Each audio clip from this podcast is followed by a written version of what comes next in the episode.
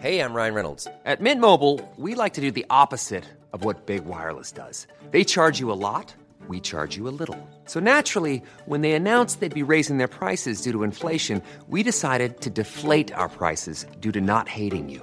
That's right. We're cutting the price of Mint Unlimited from $30 a month to just $15 a month. Give it a try at mintmobile.com slash switch. $45 upfront for three months plus taxes and fees. Promo rate for new customers for limited time. Unlimited more than 40 gigabytes per month. Slows. Full terms at mintmobile.com.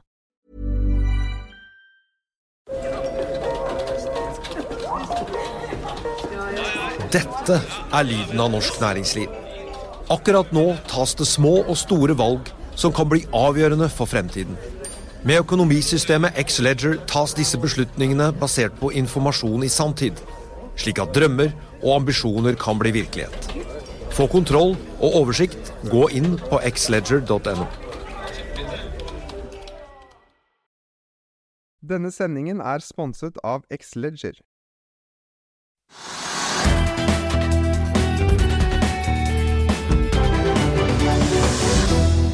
Til Økonominyhetene på denne gudskjelovdagen fredag 30. september, som altså ikke bare er siste handelsdag i september, men også i tredje kvartal. Det er snart helg og sikkert mange sjømatinvestorer som trenger en pust i bakken nå. På veien inn i helgen så skal vi servere deg en sending der vi både oppsummerer dagens viktigste og ukens viktigste nyheter med Trygve Hegnar, og så får vi aksjetipset, og vi skal se nærmere på en ny og romslig kinesisk elsuv som snart inntar landet for fullt. Og så skal vi høre om et overraskende tall fra britisk økonomi. Men la oss eh, kjapt ta en titt på markedet akkurat nå. Hovedindeksen er opp eh, nesten 2 1,90 1,88 er det nå faktisk, til 1100 og, nei, 11 poeng ligger den på nå.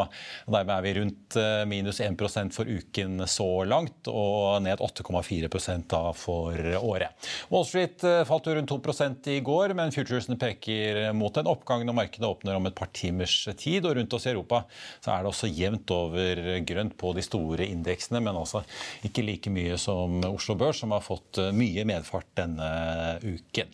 Nordsjøoljen ligger ned en drøy prosent, 87,50, men amerikanske lettoljen nesten flatt på 81,60. Og energimarkedet fortsetter jo å være nervøs. Beredskapen er jo høy rundt i Nordsjøen etter at det har vært gjort en rekke droneobservasjoner på norsk sokkel i det siste. og Det var jo før eksplosjonen da i Nord Stream-rørledningene i Østersjøen. Og Så har jo franske Total eh, da meldt at de har observert droner ved Halvdan-feltet på dansk sokkel. Og i dag så uttalte eh, kommunikasjonssjefen i ConocoPhillips Norge at også de har gjort nylige droneobservasjoner ved Ekofisk. Det uttalte de til NRK.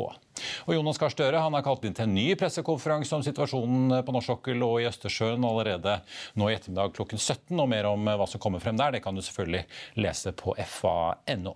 EUs energiministre har møttes i dag, og der har de blitt enige om tre krisetiltak som skal få Europas strømkunder gjennom vinteren. Det blir eh, obligatorisk reduksjon i strømforbruket, inntektstak for selskaper som produserer strøm med lave kostnader, og et såkalt solidaritetsbidrag fra olje, gass og kullselskaper. Og dette er da i tråd med det EU-kommisjonen skisserte tidligere i september. Det kommer frem i en melding fra NTB.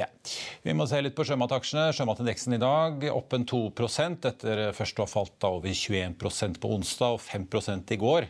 Dermed er vi så langt uh, ned i et fall på 32,6% Til sammenligning så ligger da Nasdaq-indeksen i USA ned 31, så sjømat har altså prestert å gjøre det enda verre uh, på, i løpet av denne uken. Og Summerer man opp uh, alle de store lakseaksjene, så er det nå 59,6 milliarder kroner som er borte i markedsverdier.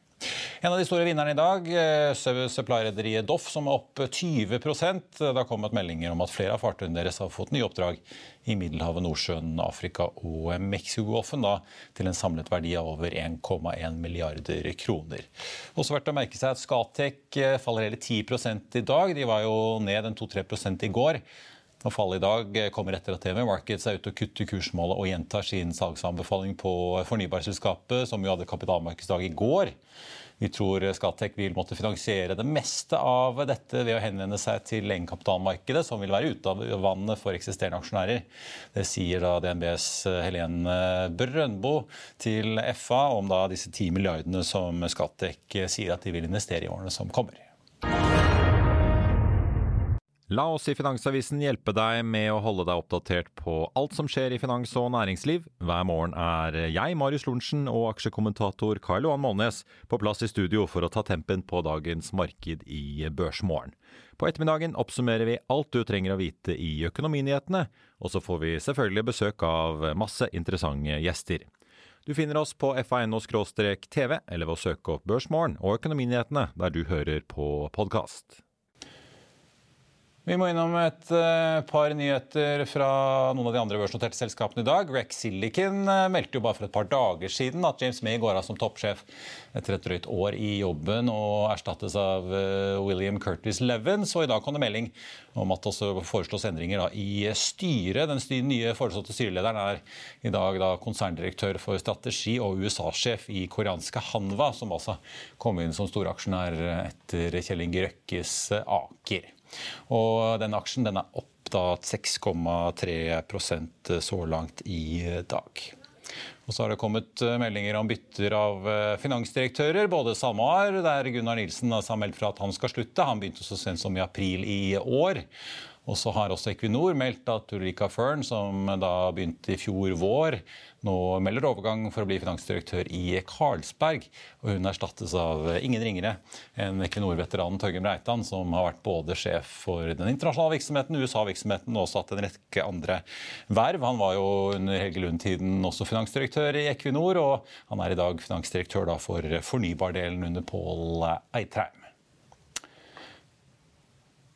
På Børsmorgen i morges kunne du høre analysesjef Turner Holm i Clarksons Plato fortelle om hvorfor han er så optimistisk på vegne av produkttank- og tankaksjen om dagen. Og i dagens aksjetips blir det mer om en annen aksje i denne sektoren. Bare se her. Kjøp Stolt-Nielsen før tredje kvartalsrapport, er beskjeden fra DNB Markets. Jørgen Lian i DNB Markets høyner kursmålet på Stolt-Nielsen til 309 kroner og gjentar kjøp. Det betyr at Lian tror at aksjen skal stige enda 40 til tross for at den allerede er opp 60% hittil i år. Lian venter en enda sterkere EBITDA i tredje kvartal enn det selskapet meldte om i andre kvartal, og han er positiv til aksjen før rapporten legges fram i starten av oktober. Oddvar Bjørgan i Carnegie er fremdeles bull på olje og høyner kursmålene på Equinor, Aker BP og Vår Energi. Det er stikk motsatt av det Steffen Evjen i DNB Markets gjør. Han senker nemlig kursmålene på de samme aksjene. Høyere naturgasspriser og amerikansk dollar løfter estimatene, skriver Bjørgan i sin analyse. Han mener at både Equinor og Aker BP skal stige over 30% fra kursen i dag, mens Vår Energi skal stige nær 60 og Stolt-Nielsen-aksjen er opp 4,5 i dag. I dag kom Eurostat med de foreløpige septembertallene for inflasjonen i eurosonen. Det var jo ventet at den skulle tikke opp fra 9,1 til 9,7% fra august. Men vi endte på 10% og kjerneinflasjonen tikket opp fra 4,3 til 4,8% Og Trygve Hegnar, dette er vel bare nok et tegn på at, eh, eller nok et bidrag til den ustabiliteten vi har sett i markedet med ja, den litt symbolske nyheten om 10 inflasjon i Europa? Ja, altså Det er jo negativt som bare det. Ja. Eh, men da vet man også hva som skjer. Altså Med en prisvekst på 10% så vet vi at eh, den europeiske sentralbanken vil da øke kraftig på styringsrenten for å få da prisveksten ned og da få et nivå på prisveksten på 2 og Hvis man har som utgangspunkt at prisveksten nå ligger på 10, som er langt over det tyskerne aksepterer altså er, De tenker på 20-årene. Liksom, i Frankfurt. Ja, altså det, det, er, det, er, det, medfører masse endringer i den, i den, finans, i, i den økonomiske politikken i Tyskland vil vi få skatteendringer, finanspolitikk Alt vil, vil være endring, for det, det, vil ikke noen akseptere. Selv om det er den europeiske sentralbanken som, som skal gjennomføre da rentesettingen, så vil det være altså, skrekkelige tall for tyskerne. og Det betyr at da går vi mye raskere mot en resesjon, mm. fordi at aktiviteten skal ned. og Det har vi sagt lenge. Og hardt. Ja, og, hardt, og, alle, og alle, andre, ja, alle andre har sagt det hardt. Så det, altså, det, Vi har sagt det lenge, alle har forventet, og nå kommer det. Mm. Hadde prisvekten falt da fra 8-7 til 5-6 eller 4, så hadde man sett at man er på rett vei, man må være litt forsiktig å liksom sette renten for mye opp osv. Nå kommer liksom budskapet da inn i Europa at liksom, dette kan vi ikke ha. Vi kan ikke leve med en så høy prisvekst, og det kommer til å få ganske kraftige reaksjoner. Ja. Vi så det Apropos oppremsing. Eh, både Apple og Nike falt veldig mye på Wall Street i går. Nike var vel ned en 10 eller hva det var. Apple ned 4,9. Det er ganske kraftig for et stort, stort selskap. Og begge delene koker vel egentlig ned til at de rapporterer ikke så gode tall som folk håper på? Nei, altså Det som er eh, spennende akkurat nå, da, eller det er litt utfordrende i markedene, det er det at de oppdager det at liksom markedene går opp 2 en dag. Neste dag er det ned 2 og så opp 2 og ned og Det gjelder i første rekke de amerikanske børsene, men også Oslo Børs, som da liksom var ned 2% og opp 2 og ned 2 og opp 2 og Det er klart at det tyder på en kraftig volatilitet i markedene. Man regner med at liksom ting skifter veldig fort. Og det kan være enkeltting som da på en måte påvirker det veldig, som f.eks. da vi fikk da den nye lakseskatten, som er en regulatorisk bestemmelse, som får da verdien til å synke med en fjerdedel, eller mer enn det også. Det kan man nesten ikke tenke seg hvis som aksjonær at man skal oppleve, og nå opplever man det. og det er liksom da, Man kan ikke legge det inn i planene sine, man kan ikke legge det inn i budsjettene sine, men vi vet nå da at du sitter i en ganske tøff, god bransje, tjener gode penger, selskapene er flinke, ledelsen er flinke, gjør alt riktig. Og så får du da et verdifall på 25% fordi man da endrer skattereglene. Det er ganske skummelt. og det gjør at Noen vil være litt tilbakeholdne både med investeringer, investeringer i de selskapene. Kanskje noen vil være tilbakeholdne med investeringer i norske selskaper generelt osv. Ganske skummelt. Og i USA så er det også så volatilt akkurat nå da, at man reagerer veldig på enkelte ting. Det, og det du er inne på, det er at Apple som er en vinner i alle henseende. Og da de meldte de at de ikke kom til å produsere like mange iPhones som de hadde planlagt, trakk store ordre tilbake, så skjønte folk at, eller tenkte seg at etterspørselen var litt svakere enn forventet. Og så gikk de raskt ut av aksjen, og den falt da, som du sier, den var nede 5% i går. Og det er ganske mye. Det er ledende selskap. Er mange milliarder dollar hop. Ja, og jeg mener at det påvirket i stor grad også de andre indeksene. Man tenkte seg at liksom, For Apple den banken nå, Eh, basert på meldingen om da lavere produksjon, så kan det liksom ligge andre selskaper i samme eh, bane. og Det, det medførte at da selgerne holdt seg litt tilbake, selgerne kom, selgerne kom, på banen, kjøperne holdt seg tilbake. Så det, er, det skaper veldig vanskelige markeder. Veldig vanskelig akkurat nå. I hvert fall som investor. Man må nesten porsjonere ut ordrene sine over mange mange dager. Mye mer enn før. Ja, så er det en annen ting som har kommet i markedet. det er at liksom, Når det da svinger så, svinger så, mye, og folk forventer kanskje at aksjemarkedet skal, gå, altså skal få seg en smell, fordi at rentene øker såpass mye at liksom nåverdien av de fremtidige inntektene blir lavere, den gamle leksa, så vil da aksjonærene, iallfall i USA, da, kanskje ikke så like stor grad i Norge, så vil de søke da obligasjoner eller sikre papirer, statspapirer eller andre obligasjoner, som er såkalt sikre, og som gir deg da en avkastning på 3-4-5% Og det er bedre å sitte med det i to år enn å sitte med aksjer som kan, kan falle 50% Sånn tenker mange. Så du kan si at vi ser nå Jeg tror det i hvert fall, at det blir skifte da fra liksom, da veldig interesse for aksjer over da i rentepapirer. Og det vil kanskje vare etter to år. og Det vil si at det svekker også interessen for aksjer igjen, for da blir etterspørselen borte. Og det blir ikke like lett å plassere penger i markedet og oppta store private selskaper da, som opptar obligasjonslån. ikke sant? De er villige til å betale 7, 8, 9 og 10% og da vil da noen søke dit, selv om risikoen er der. Og så er det, ikke, så er det risikofritt med statsobligasjoner. Men de vil søke et annet marked. Så alt det er egnet til å svekke aksjemarkedene akkurat nå. Jeg har hørt flere si at eh, denne Tina-effekten som vi har levd med i noen år, om at det er ikke noe alternativ til aksjemarkedet, den eh, Nei, er, lever på låntid. Ja, akkurat nå så er det liksom, er det liksom Folk er så ja, redde for markedene. Og den, den ting at man ser det at liksom det har vært så mange selskaper, store, flotte selskaper med gode balanser, inntjening og, og gode balanser, de, de faller 30-40 eller 50% Og indeksen liksom, Nasdaq har falt 15-20 ikke sant? Og nå, nå er Oslo-børsen ned over 10 ikke sant? Er, Man ser at det er så store endringer, og da vil man automatisk søke liksom, ok, Hvis det kan bli enda verre i aksjemarkedene, der vil ikke jeg være. Og Da går de ut, og så, og så går de da 369 får du på amerikansk tiåring nå.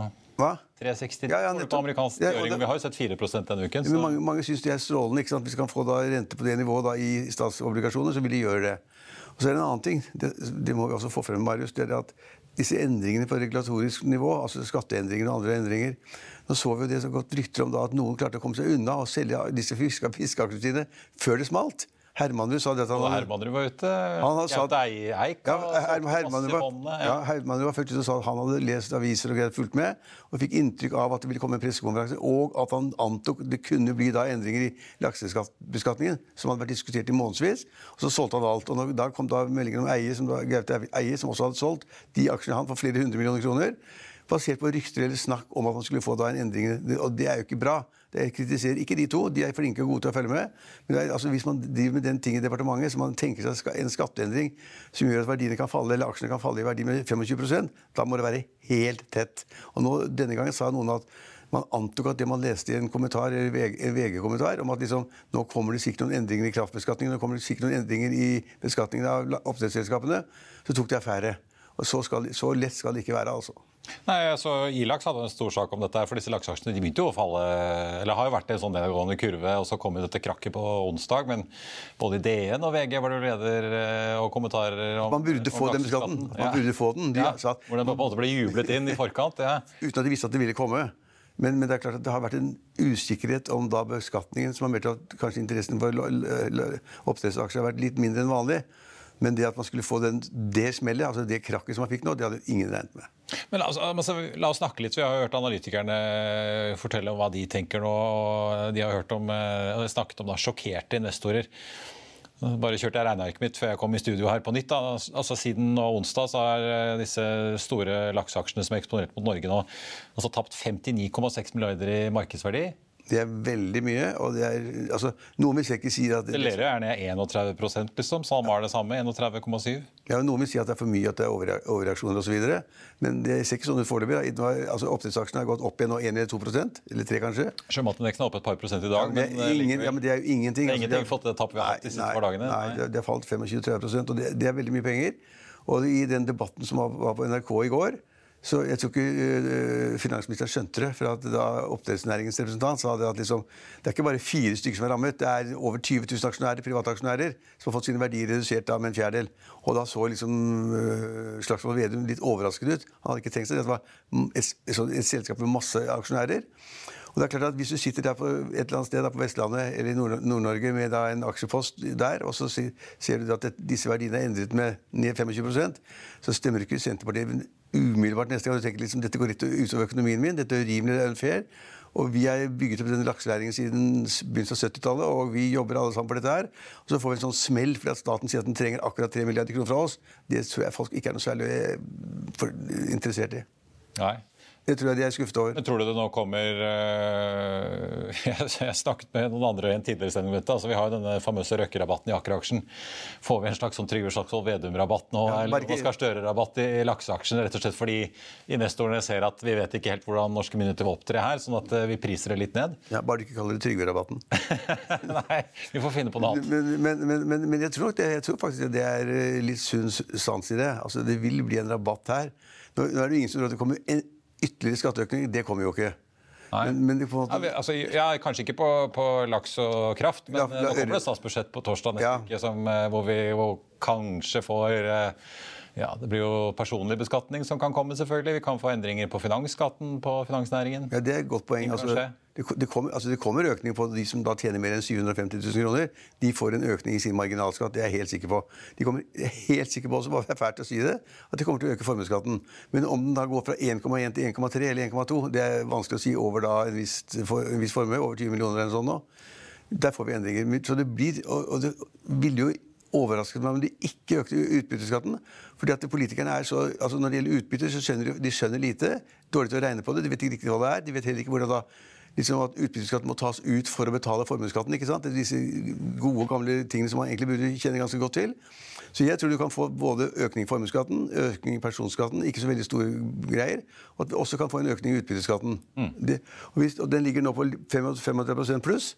Og Hvis du da får en økning til 37 eller 38, så er det ganske alvorlig for da, de som da på en måte lever av utbyttene for å betale formuesskatten, eller for å leve generelt, at de lever, altså levekostnader.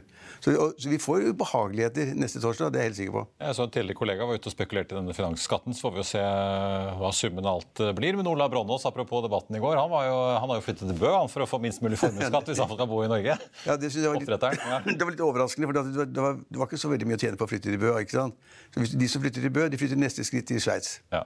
Og nå er, er, nå, altså, vi har fått det flere to- nå nå. Kim Erla har flyttet, eller er på vei i hvert fall.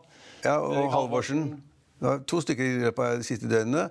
Jeg vil tippe at det sitter 20-30-40 personer med masse penger, selvfølgelig store formuer, som syns det blir for mye å betale den formuesskatten de antar vil komme, og den de betaler i dag. Og så flytter de. Så før jul så skal jeg gi et tips, så får vi i alle fall sånn 3-4-5-6-7-8 til som da flytter ut av landet. Og det er ikke bra. De tar for å ta med seg kunnskaper, ta med seg den type entreprenørvirksomhet man trenger for å ha skapt disse verdiene de har. Og så mister man da beskatningen, formuesskatten av disse, disse, disse personene. slik at det er bare tap. Ja. Og så er det da noen politikere som klapper og sier 'bare reis'. De skjønner lite av norsk næringsliv. De skjønner ikke at de listene vi ser av selskaper, de er bygget opp over lang tid. Det kan være da, fiskeforedling, det kan være industri, det kan være uh, grønn, grønn sektor eller hva det måtte være. Det er, noe skal bygges opp, noen skal liksom da tjene på det underveis.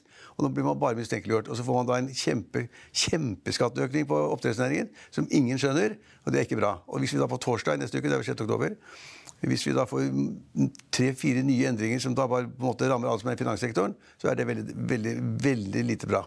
Ja. Nei, det, alle kan være enige om at det er en forskjell å ha en aktiv og dominerende eier som flyr rundt i gangene hver eneste dag på kontoret, enn å ha et eller annet fond som sitter litt sånn distant unna og ikke følger med så mye. Ja, og nå er det jo bare ett selskap som tjener penger hele tiden, som tjener vanvittig med penger, og det er Equinor. Ja. De, og da kan man diskutere liksom, skal de tjene liksom 700 milliarder kroner, eller 800 milliarder kroner, eller 900 milliarder kroner. Det selskapet tjener penger som van, altså helt vanvittig beløp. Og så snakker man da liksom om å flå da oppdrettsnæringen for 3 milliarder eller sånn. Det er ingen sammenheng. Men Trygve, jeg lurer litt på, altså nå, eh, ja, nå får vi se hva som kommer på, eh, på torsdag. Men eh, hvilke liksom, konsekvenser har for disse selskapene direkte? da? Nå eh, ser vi jo Grieg har varslet at de midlertidig stanser alle nye investeringer. SalMar sa, meldt i dag at de trekker seg fra et kjøp eh, av mer kapasitet da, innenfor dette trafikklyssystemet på 245 millioner. De sier at det rett og slett ikke er forsvarlig å betale 245 millioner til staten for mer kapasitet når det kommer dette forslaget på bordet. og det, Tror du det blir på en måte varige endringer, eller er det på en måte en sånn sånn panikkbråbrems akkurat nå til de vet hva det faktiske skattesystemet vil være fra først til først? Nei, men Det er et kjempegodt spørsmål. Altså, det, er, det, er relativt enkelt å besvare, besvare det også. Altså, Hvis du hadde betalt 22% av overskuddene dine i en eller annen virksomhet, da, i dette, tilfellet er det oppdrettsnæringen. 22. Økonominyhetene AS. Ja. ja, men altså 22% ikke sant? Og Ja. de betaler, alle vet, alle kan regne på det. Uh, investeringene, hvordan det blir, driften, hvordan det blir, hvordan netto kommer til å bli osv. Regner man med godt, uh, litt, litt noenlunde fornuftig på det, så får man et resultat som man kan liksom forstå hva er. Nå skal du da legge til 40% skatt, og det er en kostnad. Når skatten da går fra 22 til 62 62% så må du gjøre med alle regnestykkene dine. Og det er helt åpenbart at Hvis du har skatt på 62 kontra 22, så må du da se på investeringene, hvor mye du har betalt for det, liksom hvordan eh, profilen på inntektene er. ikke sant? Og du må, du, altså du må gå, gå gjennom alt. og jeg vil tippe at du får mange meldinger nå om at oppdrettsselskaper som har planlagt å investere 3 milliarder her, 2 milliarder der, på land og til havs og hva det måtte være, de holder igjen, de har styremøter, vi ser regnestykkene en gang til. For det er forskjell på å betale 22% skatt og 62% skatt. Det er forskjell. Og som hun uh, Og du går rett inn i regnestykkene. ja, Rett inn i for regnestykkene. var det jeg skulle til si, hun Oppdretteren i Nova Sea er vel det heter, som var på Debatten i går, snakket om det at uh, de vet jo, eller sånn, Hvis de ikke får fradrag på investeringer på land, men de får det i merdene, så blir det, får de et problem. For de har jo begynt med disse småtanleggene på land. så Hvis Ja. de da plutselig ikke får fradrag der altså, Så det er mange detaljer som må avklares her før man kanskje vet uh, hvor, og det helt hvor man skal gå.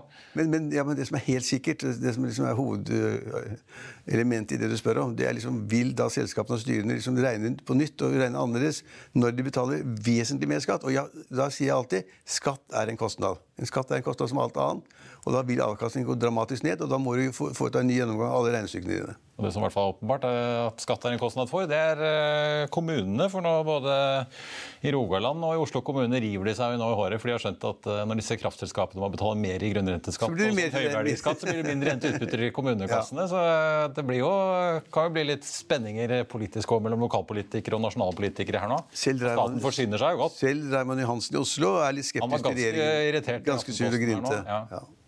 Vi får se. Vi får eh, besøk av fornybarselskapet Cloudberry på mandag, så får vi se hva de sier om eh, hvordan de regner på investeringene sine. Takk skal du ha, Trygve. Vi får også si stor dag på søndag. 2. oktober. Da skal vi markere, eller det skal vi kanskje ikke, det er jeg ikke sikker på, men vi må i hvert fall vite da at Finansavisen er 30 år. Ja. Det, er, det er en stor sak for oss som jobber her. Veldig morsomt. Ja. Veldig morsomt å ha vært med på hele veien. Vi sier gratulerer. Ja, du har, du har vært med på hele veien, ja. Det er noen av oss som har kommet inn litt Ja, senere. det, ja da, men vi, vi, vi tror at vi, at vi er blitt bedre og bedre, og vi har også da opplagsrekorder. Så vi, liksom, vi markerer at vi har holdt på i 30 år, vi har opplagsrekorder, og vi får masse, masse nye ting. Nye sendinger på TV. Vi, vi gjør mange ting som gjør at det liksom hele produktet er bra. Og vi kommer ut sammen på fredager sammen med Kapital, og vi er liksom, jeg tror vi er sterkere enn noen gang. Ja, vi satser på 30, 30 nye gode år. Takker for alle lyttere og seere som, og lesere som vi har. Takk skal du ha, og god helg. Og så blir det jo 30-årsfest litt senere i høst. Eh, vi skal nå over Nordsjøen til Storbritannia, der den finansielle stabiliteten jo mildt sagt har vært under press eh, de siste dagene, med både et kraftig pundfall og inngripen fra sentralbanken. I dag kom det overraskende tall som viste at britisk økonomi faktisk vokste litt i andre kvartal. Men som Bloomberg rapporterer, så er det likevel sånn at Storbritannia fortsatt er det eneste G7-landet som ikke har hentet seg helt inn etter pandemien. The data that we had is also the wider context of we had a pretty ugly week, but actually today pound levels are to what we saw pre-budget. Well, uh, the pound is perhaps more to do with the fact that the Bank of England's shown that it's willing to step in. Uh, this second quarter GDP figure, yes, it's welcome news, but what we're expecting is in the third quarter uh, for the slump to begin, because of course this is when you had the national bank holiday for the Queen's funeral. Uh, there was this somber national mood probably weighing on sentiment. And what we also had this morning with the house price data from Nationwide, they showed there was no growth in September, first time that's happened in a year. So you're already starting to see the weight of inflation, rising interest rates, they're likely to rise even higher because of this budget. Uh, and so the recession risks remain in the longer term. And this is really having a political cost for mm. the Conservatives. And we saw that remarkable poll yesterday in terms of the lead that the Labour Party, opposition Labour Party, are taking versus, versus the Tories. What is the mood when you speak to Conservative parliamentarians and MPs leading up to the Conservative Party conference next week? Alarmed. Uh, this is the biggest poll lead for any political party in 20 years. Of course, it comes back to the budget. Kwasi Kwarteng behind the scenes is pleading with Tory MPs to get behind his plans. We're hearing that lots of them are actually calling for him to resign just to give Liz Truss the political cover uh, to reverse the tax cuts. But it doesn't look like that's going to happen. Truss Kwarteng and the Trade Secretary Kemi Badenoch came out yesterday, guns blazing, saying that these plans are going to boost the economy. And so it's a very awkward mood going into Tory conference. We'll be going, Tom. Uh, and you've got uh, the big heavyweights of the party, some of them not even going to Birmingham, like Rishi Sunak, because uh, he says he wants to give Truss some space. So where does this leave, you know, leave, I guess, the government's resolve to continue with the tax cuts? I mean, Truss, Truss is in a very, very awkward position because if she carries on, uh, then she risks angering financial markets more. You've got Bank of America today saying that parity with the dollar is in sight potentially by the end of the year. If she backs out, she risks her credibility.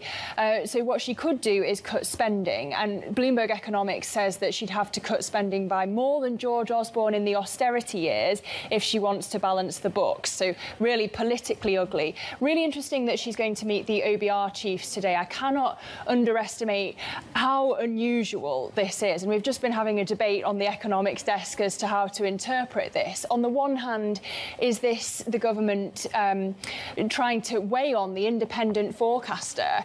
Or is it actually the government cap in hand to the markets, accepting that it should have gone to the OBR in the first place if it wanted to have the credibility for its economic plans. Det er eh, snart helg, og det betyr også at en ny utgave av Finansavisen Motor er klar i Helgeavisen. Du kan lese test av den nye, splitter nye får jeg si, Lexus RX SUV-en som eh, FA Motor skriver endelig har blitt eh, ladbar. Og så kan du lese test av Eller du kan lese mer om Ferraris nye supercrossover SUV, får vi si. Purosang, hvis jeg uttaler det riktig. Og så kan du også lese om en annen bil. Vi ble med kollega Andreas Scheel ut for å titte på den. Bare se her. Det er helg og tid for en ny utgave av FA Motor. og Skal du både kjøpe elbil og noe med veldig mye plass, så kan jo denne her være noe å se på. For å illustrere hvor latterlig mye bagasjerom det er, så har vi sendt deg, Andreas Scheel, redaksjonssjef i Motor, inn i bagasjerommet og lukket luken. Og det var jo ikke noe problem? Nei da, her er det kjempeplass. Nå gikk jeg riktignok opp i taket der. Eh, denne bilen har over 750 liters bagasjerom. Så noe særlig større, da må du opp i en eller annen sånn gigaklasse. Så er du ute etter plass, så er dette et alternativ. Hva er dette her for noe egentlig? Maxus står det på grillen. Maxus er enda en kinesisk elbil som har dukket opp på det norske markedet. Og de spyr jo ut elbiler fortere enn de europeiske, amerikanske og japanske bilprodusentene klarer å si elbil. Så dette er Maxus. De har allerede en del varebiler og en uh, syvseter på markedet, men nå har de kommet med en SUV. Ja. Og Er det en SUV, eller er det en SUV-ish ting? SUV Light vil jo noen si, for den har kun forhjulstrekk, men allikevel 19 cm bakkeklaring og egentlig alle de egenskapene du trenger ellers. Men firehjulstrekk er jo noe mange nordmenn skal ha. men uh, Det har også noe med pris å gjøre. Ja, for hva koster det deg? Vi vet jo at du kan få eh, jeg kaller det nesten presidentbilen, den store kinesiske konkurrenten. eh, Og så har du jo ja. og så har du jo Xpeng, og du har eh, Build Your Dreams, eller BID og Nioa. Det er masse rart. Ja, Men de koster jo betraktelig mer. Nemlig, for denne koster 399 000 ferdig spekka. Du kan betale tusenlapper for eh, metallic lakk og type 2-ledning, men under 400 000 for en svær bil. Den er ikke firehjulstrekk. Likevel 399. Men er det noen andre kompromisser som du må inngå her? Det er jo det. Rekkevidden er på papiret bare 354 km, men jeg har kjørt denne bilen litt nå, og det skal jeg klare lett, selv om jeg kjører en del på motorvei og driver med forbikjøringer og er frekk på gassen. Så at det skal gå an å kjøre den godt over 40 mil, det er ikke noe problem. Så det er egentlig på den positive siden, men når du er ute og kjører denne bilen her, så understellet er litt sånn stumpete og rart. Av og til trikkeskinner, noen kanter, merker du veldig godt i bilen. Og nå har ikke jeg vært ute og kjørt denne på bane, men jeg antar at det er nok egentlig ikke noe kjøremaskin. Nei, det er ikke luftfjæringen fra Porsche eller Range Det Rover er det ikke, og det er nok litt ganske enkelt understell, men eh, det fungerer greit. Men igjen, hvis du ser på prisen, så er det en grunn til at den er så rimelig òg. Hadde det ikke stått uh, Maxus på rattet, så hadde jeg ved å se på girspaken tenkt på ja, kanskje noe Jeep eh, og Kia-aktig. Jeg hadde sett på skjermen, så hadde jeg kanskje tenkt uh, Mercedes E EQE. Ja, de har nok lånt litt fra mange på mange måter, men totalen ser egentlig veldig bra ut. Og det er et veldig praktisk og fint instrumentpanel som har all den informasjonen du trenger, som du kan styre fra rattet. Og skjermen her gjør også det meste. Hvis du trykker bestemt nok, så skjer det en del ting. Det er av og til at eh, nå står bilen i P, så jeg får ikke justert det. Men det meste av dette her som fungerer veldig bra. Og det er kunstskinn seter, og det er en del polstrede materialer og sånn. Det er ikke noe premiumbil, dette her. Men eh, du har soltak, du har masse støttesystemer, og til den prisen og den størrelsen, så er det ikke tvil om at dette vil være attraktivt for veldig mange. Ingen tvil om at eh, det er eh, masse å velge for oss eh, forbrukere, helt ned fra 399 til holdt jeg på å si, 3 millioner. Og mer om alt dette får du selvfølgelig hver helg i FA Motor. Velkommen tilbake. På tampen av sendingen så skal vi bare runde av med å se litt på markedet. Hovedveksten på Oslo Børs nå er opp 1,3% Vi var jo opp en par prosent tidligere. Ligger nå på 1093 poeng. Får litt grann drahjelp av sjømataksjene i dag, som i hvert fall på ut fra sjømatindeksen er opp 1,9% Men det gjelder jo ikke alle. SalMar sliter fortsatt. Den aksjen er ned en 1,8 nå. Det har jo kommet to meldinger som har vært å få med seg fra SalMar i dag. Det ene er at finansdirektør Gunnar Nilsen trekker seg etter bare en fem måneders tid i jobben. Den andre er jo at da selv SalMar har tenkt å trekke seg fra hele dette varslede kjøpet av økt kapasitet innenfor trafikklyssystemet. Eh, Hvor de da skulle bruke får jeg si, 245 millioner kroner. Men de sier at da, gitt denne, dette skatteforslaget som har kommet på grunnrenteskatt på oppdrett, så er det da sånn at de ikke finner det forsvarlig å betale såpass mye penger. Og at uh, denne utforutsigbarheten som de skriver da fra myndighetenes side, forsterker behovet for eh, en evaluering av selskapets fremtidige investeringsstrategier. Tar også med Stolt-Nielsen-aksjen, hvor eh, det altså DNB har tatt opp eh, kursmålet fra 267 til 309. Den ligger nå på 22,50, opp eh, 3,8% Og så er det da Skatek som jo hadde kapitalmarkedsdag her i går. Var ned først ganske flatt, så ned 3 I dag er den nå ned eh, over 10% 11,8 i skrivende stund. Den aksjen har jo blitt, fått kuttet kursmålet sitt også av DNB da fra 81 til 70, og den ligger på 72,90 nå på Oslo Børs. På listen ellers over de mest omsatte aksjene, litt mer blandet enn vi så tidligere i dag, hvor det var grønt jevnt over. Equinor, eh, som jo bytter finansdirektør, opp 2,2% Movi opp 2,8 Movi er jo mindre rammet av disse skatteendringene på laks enn mange andre, rett og slett fordi de har jo en stor virksomhet også utenfor Norge, inkludert i Skottland. Aker BP opp 0,7% mens altså Telenor, Skattek og Hydro alle er eh, ned. DNB opp 1,2. Tomra Vår Energi, eh, hvor Tomra da opp 2,4, Vår Energi opp 1,6% Og så ligger Frontline inne opp 2,9 Også verdt å få med seg Rex Silicon som er opp da rundt 6 i dag. eh, og Det har jo da kommet melding om endringer i styret i eh, silisiumprodusenten. Det er jo bare et par dager siden da de meldte at de bytter toppsjef. Hovedindeksen altså opp 1,3% Nordsjøolje ned, nå har falt litt ned igjen, ned 1,9 til 86 dollar og 90 cent fatet. Den amerikanske lettoljen på 81,10. Og så er det jo da Doff, dette supply-rederiet, som er den store vinneren i dag, opp nå 22% Har jo kommet med meldinger om flere nye kontrakter og forlengelser utover dagen. PRS Prosef altså opp også 2,8% De har fått en forlengelse på britisk sokkel for en av boligriggene sine. Og så er det sånn at Har du ønsker om aksjer vi skal analysere, så kan du sende en e-post til tvtips at finansavisen.no. I avisen i morgen så kan du lese Trygves leder om at finansminister Vedum kan ta seg en bolle. og Det kan jo være at det blir en Espa-bolle, siden han kanskje nå er på vei hjem til Hedmark før han skal legge frem statsbudsjettet neste torsdag. Og så kan du lese om oppdretteren som føler han lever i en Coop-reklame.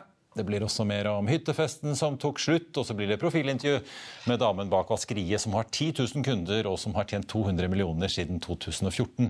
Og så selvfølgelig masse annet bil, vin og helgestoff å finne i avisen i morgen. Og Det var det vi hadde for deg på denne fredagen. Tusen takk for at du eh, så på og tilbrakte denne stunden sammen med oss. Husk at det altså blir pressekonferanse klokken 17 med statsminister Jonas Gahr Støre. Mer om hva som kommer frem der, det får du på fa.no. Mitt navn er Marius Lorentzen, og vi er tilbake igjen 8.55 med Børsmorgen på mandag, der vi altså får med oss Cloudberry og 14.30 med Økonominyhetene. I mellomtiden så ønsker alle vi i Hegna med deg en riktig god helg. Takk for nå.